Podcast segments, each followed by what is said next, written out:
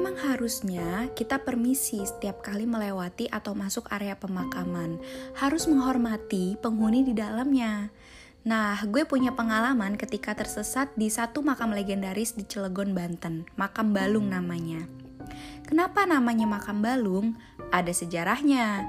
Jadi, menurut informasi yang beredar, makam balung ini dulunya emang untuk memakamkan tulang belulang, tulang-tulang manusia yang diangkat dari pemakaman sebelumnya yang entah alasan pastinya kenapa pemakaman itu harus dipindahkan. Katanya sekitar tahun 1970-an atau 1980-an, gue nggak tahu pastinya, banyak pemakaman di Cilegon yang digusur dan harus dipindahkan ke tempat baru. Salah satu pemakaman yang dipindahkan yang gue tahu adalah pemakaman besar di suatu kampung itu terpaksa harus pindah karena kampung beserta semua makamnya digusur untuk pembuatan waduk. Namanya Waduk Kerenceng. Kenapa gue tahu? Karena Waduk Kerenceng ini letaknya nggak jauh dari desa Ramanuju, desa tempat gue lahir dan beranjak besar. Sayangnya Waduk Kerenceng, Waduk Kerenceng ini udah ada jauh sebelum gue dilahirkan. Jadi gue nggak mengalami tuh proses pembuatannya. Gue cuma dengar cerita dari orang tua dan penduduk asli sekitar waduk itu. Nah, Wilayah waduk ini dulunya adalah pemukiman yang terdiri dari beberapa desa. Tentu aja di dalamnya ada pemakaman.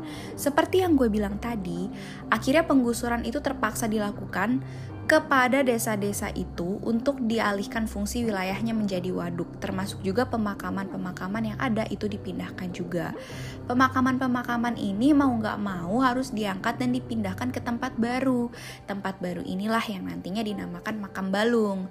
Nah begitu deh sejarahnya. Kalau ada teman-teman dari Cilegon yang mau koreksi atau menambahkan, monggo dipersilahkan. Kali ini gue akan cerita tentang pengalaman seram yang gue alami sendiri di makam balung. Ani itu teman dari masa kecil gue. Nah, gue dan Ani sejak lahir udah bertetangga, tapi rumah kami nggak bersebelahan langsung, berselang dua rumah tapi dekat. Di desa Ramanuju, kami tinggal waktu itu, itu desa yang banyak menyimpan cerita seru dan seram. Kali ini gue akan cerita satu pengalaman seram yang gue alami bareng Ani. Kejadiannya kalau nggak salah ketika masih kelas 1 SMP. Udah lama tapi tenang aja, gue masih ingat setiap detail peristiwanya. Nah pada suatu sore, Ani ngomong sama gue. Sis, main ke rumah Rani yuk. Nah, jadi gue dan Ani ini beda sekolah, beda SMP. Nah, Rani ini temannya Ani di sekolahnya, tapi gue udah kenal sebelumnya. Rumah Rani nggak satu desa dengan kami. Dia tinggal di desa lain yang jaraknya cukup jauh, Tegal Cabe namanya. Ya, Tegal Cabe ini bersebelahan dengan makam Balung, pemakaman umum yang gue sebut tadi. Jarak rumah kami ke rumah Rani sekitar 30-40 menit bersepeda. Cukup jauh, tapi perjalanannya seru, melewati sawah, kebun, perkampungan, ada waduk juga. Nah, tahun 90-an, daerah situ masih sangat sepi, nggak sepadat sekarang. Masih banyak lahan kosong dan desa yang sedikit penduduknya. Jadi benar-benar masih sepi, masih kampung. Pada akhirnya gue mengiyakan ajakan Ani untuk main ke rumah Rani. Rencananya kami akan berangkat setelah pulang sekolah. Entah ini akan menjadi kunjungan yang keberapa kali, tapi yang pasti bukan yang pertama.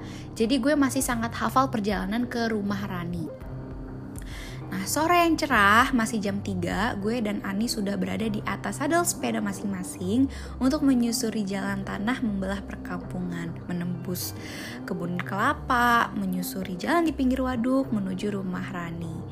Terus menggoes pedal tanpa lelah, angin sore menemani keceriaan kami yang bergerak bersepeda dengan riang gembira. Matahari yang belum terlalu bersandar di ufuk barat masih terik bersinar walau sudah cenderung hangat. Beneran deh, waktu kecil gue suka banget bersepeda, nyaris ke mana aja selalu bersepeda. BMX Silver kesayangan selalu menemani. Begitu juga kali ini, karena perjalanan ke rumah Rani agak memakan waktu, tapi gue senang-senang aja menjalaninya. Nah, udah nyaris jam 4 ketika kami perlahan nih melambatkan kecepatan dan akhirnya berhenti di depan satu gapura tembok lusuh berwarna putih kusam. Terus gue nanya nih sama Ani, gimana? Lewat sini atau muter aja? Nah, kami diam tuh berhenti di depan gapura itu. Gapura yang menjadi tanda sebagai pintu masuk ke pemakaman. Pemakaman besar yang sudah sering kami dengar keangkarannya. Yes, kami berdiri tepat di depan gapura makam Balung. Terus Ani jawab, masih sore, masih terang juga, lewat makam aja. Nah, memang untuk mempersingkat perjalanan menuju rumah Rani, kami harus masuk melewati pemakaman besar itu. Walaupun bisa aja sih kami memilih jalan memutar untuk menghindarinya. Tapi kalau berputar, waktu yang harus ditempuh itu tambah lama karena berputarnya tuh cukup jauh. Ya udah, akhirnya kami memutuskan untuk masuk menembus makam Balung karena masih sore dan juga terang. Makam Balung ini keadaan dan situasinya nyari sama dengan pemakaman umumnya. Banyak pohon besar di dalamnya, terus rindang menghalangi sinar matahari untuk masuk menerangi. Banyaknya pohon ini juga menjadikan suasana di pemakaman jadi nggak terlalu terang walaupun masih siang. Tapi tipikal pemakaman umum yang letaknya bukan di kota besar, letak makamnya itu nggak beraturan, masih acak-acakan, barisannya juga nggak rapi, baris berjajar. Pokoknya acak-acakan. Sekarang juga situasinya masih nyari sama karena baru beberapa bulan yang lalu gue datang ke makam Balung ini. Tante gue yang belum lama meninggal itu dimakamkan di situ juga. Nah, sama seperti anak-anak lain pada umumnya, gue dan Ani juga merinding ketakutan ketika harus masuk ke areal pemakaman. Mengayuh sepeda dengan cepat, namun tetap hati-hati karena harus cekatan menghindari gundukan tanah kuburan yang letaknya nggak beraturan. Keangkaran pemakaman itu sangat terasa ditambah situasinya yang sangat sepi gak ada orang sama sekali hanya suara putaran ban sepeda kami yang mendominasi ruang sunyi itu. Pokoknya benar-benar sepi Nah, sepanjang perjalanan, beberapa kali wangi bunga Kamboja itu tercium pekat, wangi khas bunga pekuburan. Kami yang tadinya jalan sambil bercanda bersenda gurau, di dalam pemakaman jadi terdiam. Fokus bersepeda memperhatikan jalan untuk cepat-cepat keluar dari area itu, pergi meninggalkan keangkerannya. Makam Balung ini cukup luas, kami harus bersepeda beberapa menit lamanya dari masuk sampai keluar. Agak bernafas lega ketika di kejauhan kami sudah melihat gerbang keluar. Tapi gue yang berjalan di depan tiba-tiba menghentikan sepeda tuh gue ngerem mendadak karena gue melihat sesuatu. Terus si Ani yang di belakang gue nanya, ada apa sih? Hampir nabrak nih gue. Nah terus uh, gue malah nanya ke dia, ke si Ani kok tiba-tiba ada rumahnya nih? Kayaknya waktu itu nggak ada rumah deh. Kok sekarang ada rumah? Ya pokoknya gue ngerem mendadak karena gue melihat ada pemandangan yang menurut gue aneh. Ada rumah yang berdiri agak di pinggir makam. Kenapa aneh? Karena perasaan gue, gue itu belum pernah melihat ada rumah ini sebelumnya. Nah, kami berhenti beberapa belas meter dari rumah itu, rumah yang dapat dipastikan kosong karena terlihat nggak terurus, terus semak dan rumput liar itu tumbuh tinggi di sebagian besar halamannya, cat putihnya kelihatannya kusam, satu atau dua kaca jendelanya pecah, gentengnya gelap berlumut. Nah, kami sangat yakin kalau ini rumah kosong, sudah lama kosong. Terus si Ani jawab pertanyaan gue tuh, ah itu rumah dari dulu udah ada kok kamu aja nggak pernah perhatiin. Udah ah jalan lagi aja serem tau rumahnya. Nah itu yang si Ani jawab. Tapi masa sih gue nggak pernah sadar kalau ada rumah di sini? Ya udah mungkin aja Ani benar. Emang gue nggak terlalu perhatian. Nggak sadar kalau ada rumah kosong di makam balung ini. Ya mungkin aja kan. Ya udah deh gue ikut omongan Ani. Lalu kami melanjutkan perjalanan ke rumah Rani yang sudah nggak jauh lagi Akhirnya kami berhasil lewat area pemakaman, lalu masuk ke wilayah kampung tempat tinggal Rani. Gak lama kemudian kami tiba di rumahnya. Rani menyambut dengan gembira, setelahnya kami terlibat perbincangan seru deh kas anak-anak pokoknya. Kenapa gue senang setiap kali main ke rumah Rani? Karena rumahnya itu sangat nyaman. Rumah utama gak terlalu besar, tapi punya halaman luas gak berpagar, hanya dibatasi oleh beberapa pohon dan barisan tanaman anak nakal. Nah, lingkungannya pun waktu itu benar-benar masih kampung, masih sepi. Biasanya menjelang maghrib itu semakin sepi, hanya kelihatan orang-orang yang berbondong-bondong ke musola untuk sholat berjamaah. Selebihnya sepi. Terus tiba-tiba Rani nanya, eh eh kalian tadi lewat mana? Makam balung apa muter? Nah terus uh, gue jawab dong, makam balung Ran. kalau muter kan jauh masih terang kok tadi gitu terus kata Rani gini jangan lewat makam balung dulu ya nah terus si Ani nanya dong ke si Rani kenapa emang Ran nah terus kata Rani lagi musim anak hilang terus ketemunya subuh di makam balung lemes terus gue nanya dong hilang gimana sih Ran terus kata si Rani Iya hilang aja, katanya diculik kolong wewe atau genderuwo gitu. Terakhir kemarin anak yang tinggal di rumah itu tuh hilang pas udah isya, ketemu-ketemunya subuh di makam balung. Ya gitu, jadi menurut Rani sedang ada keresahan nih di kampungnya. Sudah beberapa kali ada anak kecil yang tiba-tiba menghilang tanpa jejak ketika main di luar rumah pada malam hari. Hilang gitu aja pokoknya. Sampai akhirnya ditemukan dalam keadaan lemas di satu sisi makam balung. Nah, menurut cerita anak-anak yang hilang itu setelah ditemukan, katanya mereka itu e, kesasar ketika masuk ke dalam makam balung, nggak menemukan jalan keluar. Kata orang-orang kampung sih, anak-anak ini kemungkinan besar diculik kalong wewe atau genderuwo. Nah, rumor yang beredar begitu.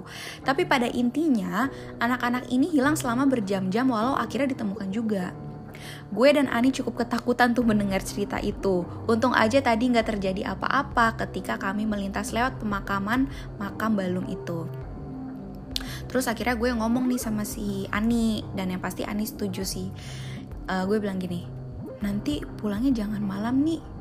Sebelum maghrib aja kita pulang ya. Terus kata si siapa namanya Rani, iya nanti pulangnya jangan malam-malam ya kalian ya pokoknya gitu deh terus kita kayak cerita-cerita yang nyermin gitu deh Nah, tapi ya, emang dasarnya anak-anak, saking keasikannya bermain, gue dan Ani belum pulang juga sampai maghrib. Nah, terus udah gitu, tiba-tiba ibunya Rani keluar, terus ngomong, sholat maghrib dulu, abis itu baru deh kalian boleh pulang. Ya udah dong, mau nggak mau ya kami harus nurut. Akhirnya malah berubah lagi, selepas isya kami baru pulang. Nah, jadi malam udah beranjak larut, Terus bulan juga udah mengintip malu-malu dari sela pepohon, pepohonan. Hanya gelap pekat yang jadi pemandangan. Nah ketika kami akhirnya berpani, berpamitan tuh. Terus lagi-lagi si, Ra, si Rani ngingetin kami. Ingat ya, jangan lewat makam balung, jalan puter aja. Ya udah tuh akhirnya gue dan Ani ya udah ngangguk aja gitu. Walaupun harus melewati jalan berputar cukup jauh, tapi kami akan tetap menjalaninya. Gak beranilah kalau harus lewat penembus area makam balung malam-malam seperti ini, gak mau lah. Takut pokoknya kan. Ya udah akhirnya kayuhan pedal memutar roda sepeda sambil ngobrol-ngobrol sama uh, si Ani untuk menyusuri jalan kampung memutar mengitari makam balung ya jalan jalan yang jarak dan waktu tempuhnya lebih lama dan jauh sih. Tapi ya udahlah kami masih berbincang bersenda gurau menikmati perjalanan. Ya saat itu perkampungan sudah sangat sepi nyaris gak kelihatan ada orang di luar rumah. Tapi memang biasanya ya seperti ini dan mungkin aja ditambah dengan adanya peristiwa anak hilang ya jadi tambah sepi aja gitu. Beberapa kali kami melewati lahan kosong yang isinya hanya pohon-pohon besar, nggak ada lampu sama sekali, gelap pekat banget lah memenuhi semua sisi. Setiap lewat lahan kosong itu kami otomatis terdiam nggak bersuara. Jadi kami semakin diam tanpa perbincangan ketika mulai menyadari ada yang aneh. Jadi waktu tempuh yang seharusnya nggak terlalu lama, mungkin hanya 10 menit, tapi kira-kira sudah lebih dari 15 menit kami belum sampai juga nih di kampung berikutnya. Seperti masih berkutat di kampung Rani lah. Gue yang berjalan di depan sesekali melirik ke belakang tuh untuk lihat Ani. Jadi wajah Ani itu menunjukkan raut kebingungan, sama seperti gue, bingung, kok lama amat ya perjalanan berputar ini. Akhirnya gue berhenti, terus Ani juga berhenti.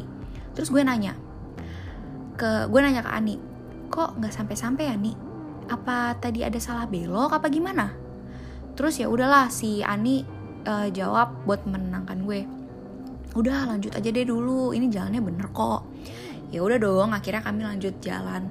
Tetap aja udah beberapa menit tambahan kami belum juga meninggalkan kampung. Sepertinya kami tuh kayak cuma berputar-putar aja gitu loh di tempat yang sama. Sesekali gue melirik belakang sambil terus mengayu untuk melihat keadaan Ani juga kan. Ya untuk memastikan juga kalau dia itu masih ada di belakang gue Nah akhirnya gue mengayuh sepeda semakin cepat ketika sadar sudah beberapa saat lamanya tuh kami nggak lihat ada rumah di kanan kiri hanya kelihatan lahan kosong yang diisi pepohonan. Ya udahlah suara gerakan dua sepeda itu udah jadi satu bunyi yang terdengar di malam gelap ini doang gitu. Di titik ini gue mulai ketakutan nih. Rasa cemas itu mulai menyeruak memenuhi isi kepala gue. Kenapa coba kami gak sampai-sampai di ujung kampung? Terus dan terus gue memacu sepeda dalam kecemasan, menyusuri jalan tanah di dalam gelap. Sebegitu cemasnya sampai gue gak sadar kalau ada yang aneh. Ada yang berbeda. Gue ngerem mendadak, menghentikan laju sepeda yang tengah berlari cepat nih. Gue panik, gue kaget, gue terkejut. Karena pas gue menoleh ke belakang ternyata tuh gak ada si Ani. Ani menghilang. Ternyata gue sendirian dan gue gak tahu udah berapa lama gue sendirian. Gue bener-bener makin cemas gue ketakutan. Gue di situ gue teriak-teriak gue coba manggil Ani tapi nggak ada jawaban sama sekali. Gue takut karena sadar kalau gue sekarang ini sedang sendirian di tempat asing dan menyeramkan. Akhirnya gue memutuskan untuk kembali mengayuh sepeda dengan tujuan entah ke mana Beberapa detik setelah kembali mengayuh, tiba-tiba gue mendengar sesuatu. Ada suara yang sumbernya seperti gak jauh di belakang gitu. Suaranya tuh kayak buk buk buk buk buk buk buk. Ya gimana ya? Ya pokoknya kira-kira kayak gitu deh bunyinya. Kayak suara ada orang yang uh, kaki gitu yang lagi lari gitu. Awalnya karena sangat ketakutan, gue nggak berani untuk menoleh tuh ke belakang, nggak berani cari tahu bunyi apa sih itu gitu. Tapi akhirnya rasa penasaran itu mengalahkan segalanya. Sambil terus mengayuh sepeda, gue menoleh tuh uh, ngeliat ke belakang kan. Tahu nggak apa yang sedang ada di belakang gue? Tahu nggak? Gue melihat ada makhluk tinggi besar hitam berlari mengikuti gue. Dalam gelapnya malam, itu gue masih bisa melihat jelas bentuk makhluk itu.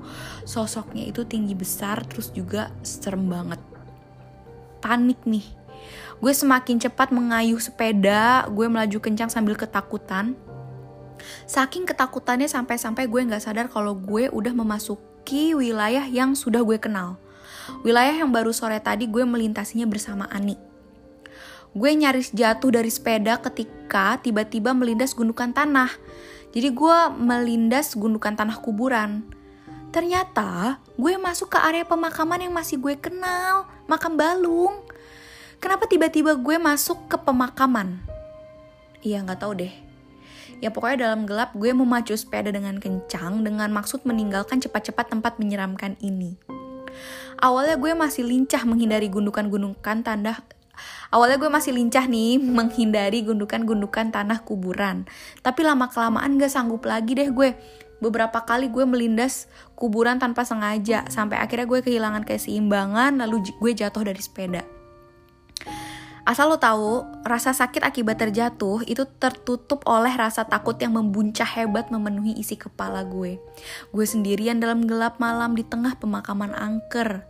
Semakin ketakutan lagi ketika melihat sosok tinggi besar dan menyeramkan yang sejak tadi terus mengikuti gue.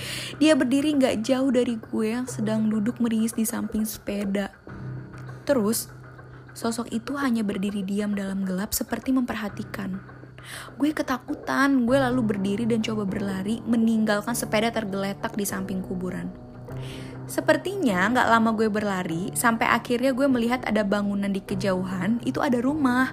Lalu gue menuju ke rumah itu, gue coba menjauhi makhluk tinggi besar itu. Ternyata, gue mengenali rumah ini. Ini adalah rumah kosong yang gue lihat bersama Ani sore tadi tapi keadaannya beda. Rumah ini tuh kelihatannya lebih bersih dan juga terawat. Lampu terasa itu menyala walaupun redup. Lampu di dalamnya juga menyala terang, jadi ya seperti berpenghuni.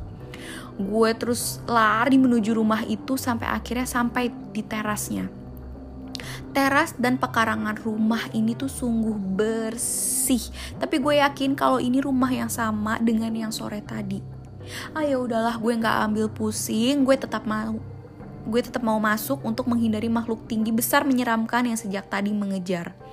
Kebetulan pintu depannya terbuka. Sambil ketakutan ya udah deh gue masuk aja. Setelah udah berada di dalam, gue duduk di kursi ruang tamu. Nafas gue masih ngos-ngosan sambil sesekali gue melihat keluar tuh gue khawatir kalau si makhluk itu tuh masih uh, berusaha buat ngejar gue. Tapi ternyata enggak, gue nggak melihat makhluk itu lagi. Ya udah gue udah sedikit lega tuh. Sambil menenangkan diri dan mengatur nafas, gue masih memperhatikan isi rumah itu. Dari tempat gue duduk, gue bisa melihat ruang tengah yang sepertinya jadi ruang makan juga sih. Jadi lampunya tuh menyala terang. Nah, di ruang tengah itu ada meja kayu besar dikelilingi beberapa kursi. Di atas meja itu ada beberapa piring yang berisi makanan. Tapi ada keanehan yang baru gue sadar. Ke mana coba para penghuni rumah itu? Karena dari tadi gue sama sekali nggak melihat ada kehidupan. Ya udah, sepinya sepertinya nggak berujung.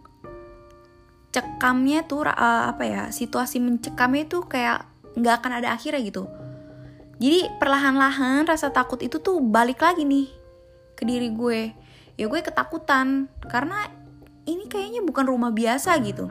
Seperti terhipnotis, jadi ketika berikutnya indera penciuman gue menangkap aroma khas, gue tuh mencium wangi bunga kamboja, ya udah bunga khas pemakaman gitu, wanginya kuat banget.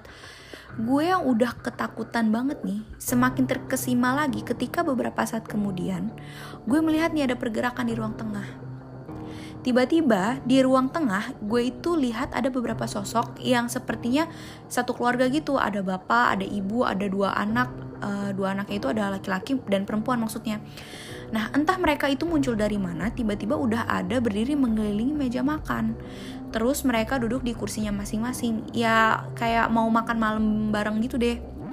Nah terus gue terus perhatiin kan. Gue masih mikir tuh siapa ya mereka sampai akhirnya sosok yang gue pikir itu adalah ibu dari anak-anaknya itu menoleh terus natap ke gue beberapa saat gitu tuh sambil senyum. Jadi ibu itu tuh rambutnya panjang hitam tergerai terus dia mengenakan pakaian terusan berwarna gelap. Ya gue cuma diem terpana aja ketakutan gitu. Terus kemudian sosok ibu itu berdiri dari duduknya terus meninggalkan uh, meja makan. Terus dia berjalan ke tempat gue duduk di ruang tamu sebentar ternyata dia bukan berjalan deng dia itu gimana ya nyamperin gue tuh geraknya tuh melayang Nah, semakin lama semakin deket tuh. Nih, gue merinding nih cerita. Jadi semakin lama semakin dekat nih jarak gue sama si sosok ibu itu semakin jelas juga nih gue bisa lihat penampilan sosok si ibu ini. Wajahnya itu menyeramkan, pucat tanpa ekspresi, tersenyum tapi i, menakutkan lah buat gue. Jadi dia tuh terus mendekat, mendekat, mendekat. Ya pokoknya gue semakin ketakutan, dia pokoknya ketakutan banget. Sampai akhirnya dia berhenti pas banget di depan gue, terus dia mengulurkan tangannya dia. Gue panik dong, tapi gue gak bisa berbuat apa-apa ya hanya bisa kemudian kayak gue cuman nunduk terus gue kayak diem-diem nangis gitu setelah itu ya udah gue nggak inget apa-apa lagi terus ada yang bangunin gue nih entah gue pingsan atau bagaimana akhirnya gue kayak ya udah kesadar gitu kayak ada yang bangunin gue. Karena gue mendengar ada beberapa orang yang manggil nama gue. Terus akhirnya gue buka mata dong. Ternyata gue tuh lagi ada di dalam rumah kosong yang gelap gulita. Terus akhirnya gue teriak tuh pas pas habis gue tiba-tiba kayak kebangun gitu tersadar. Terus gue dengar ada suara yang manggil nama gue. Ya dari dalam rumah itu gue teriak di sini di sini gitu kan ya udah nggak lama itu beberapa orang masuk tuh ke dalam rumah lalu gue akhirnya sadar kalau beberapa orang itu salah satunya adalah bapak gue Waduh, syukur banget deh akhirnya gue dapat keluar dari teror yang menyeramkan itu. Jadi, Kalian penasaran kan kenapa gue tiba-tiba bisa masuk ke dalam makam dan gue tersesat? Padahal tadinya gue lagi naik sepeda terus di belakang gue Ani. Nah jadi menurut cerita Ani, ketika pulang dari rumah Rani itu, tiba-tiba kan gue kan uh, tadi cerita tuh gue uh, ngegoes sepeda tuh cepet banget kan sampai ternyata si Ani itu ketinggalan uh, dan kehilangan gue gitu. Terus kata Ani, dari jauh tuh dia lihat kan gue kan ngegoes cepet tuh yang tadi gue cerita lama-lama gue makin cepet makin cepet karena gue sadar kok nggak nyampe kok nggak nyampe nyampe uh, apa namanya ujung kampung gitu gue masih di perkampungan Ani eh di perkampungan Rani nah terus kata Al, si Aki, akhirnya kata si Ani gue masuk tuh ke area makam balung terus gue menghilang di kegelapan. Jadi si Ani ini ngelihat gue tuh dari kejauhan karena dia udah ketinggalan gue. Nah Terus uh, ternyata si Ani ini nggak berani masuk sendirian ke makam balung untuk cari gue. Jadi dia memutuskan untuk pulang dan cari pertolongan. Terus dia kasih kabar kalau gue itu hilang di makam balung ya udah setelah itu bapak gue dan beberapa tetangga itu langsung pergi cari gue sampai akhirnya gue itu ditemukan jam satu jam satu apa? Jam berapa ya? Ya sekitaran jam satu jam setengah satu malam lah di dalam rumah kosong itu. Jadi gitu ceritanya. Oke deh. Uh, sampai sini aja ya cerita horor kali ini. Itulah kisah petualangan seram gue yang nggak pernah akan gue lupakan, nggak akan pernah gue lupakan. Oke, okay. sampai jumpa dengan cerita gue yang lain ya.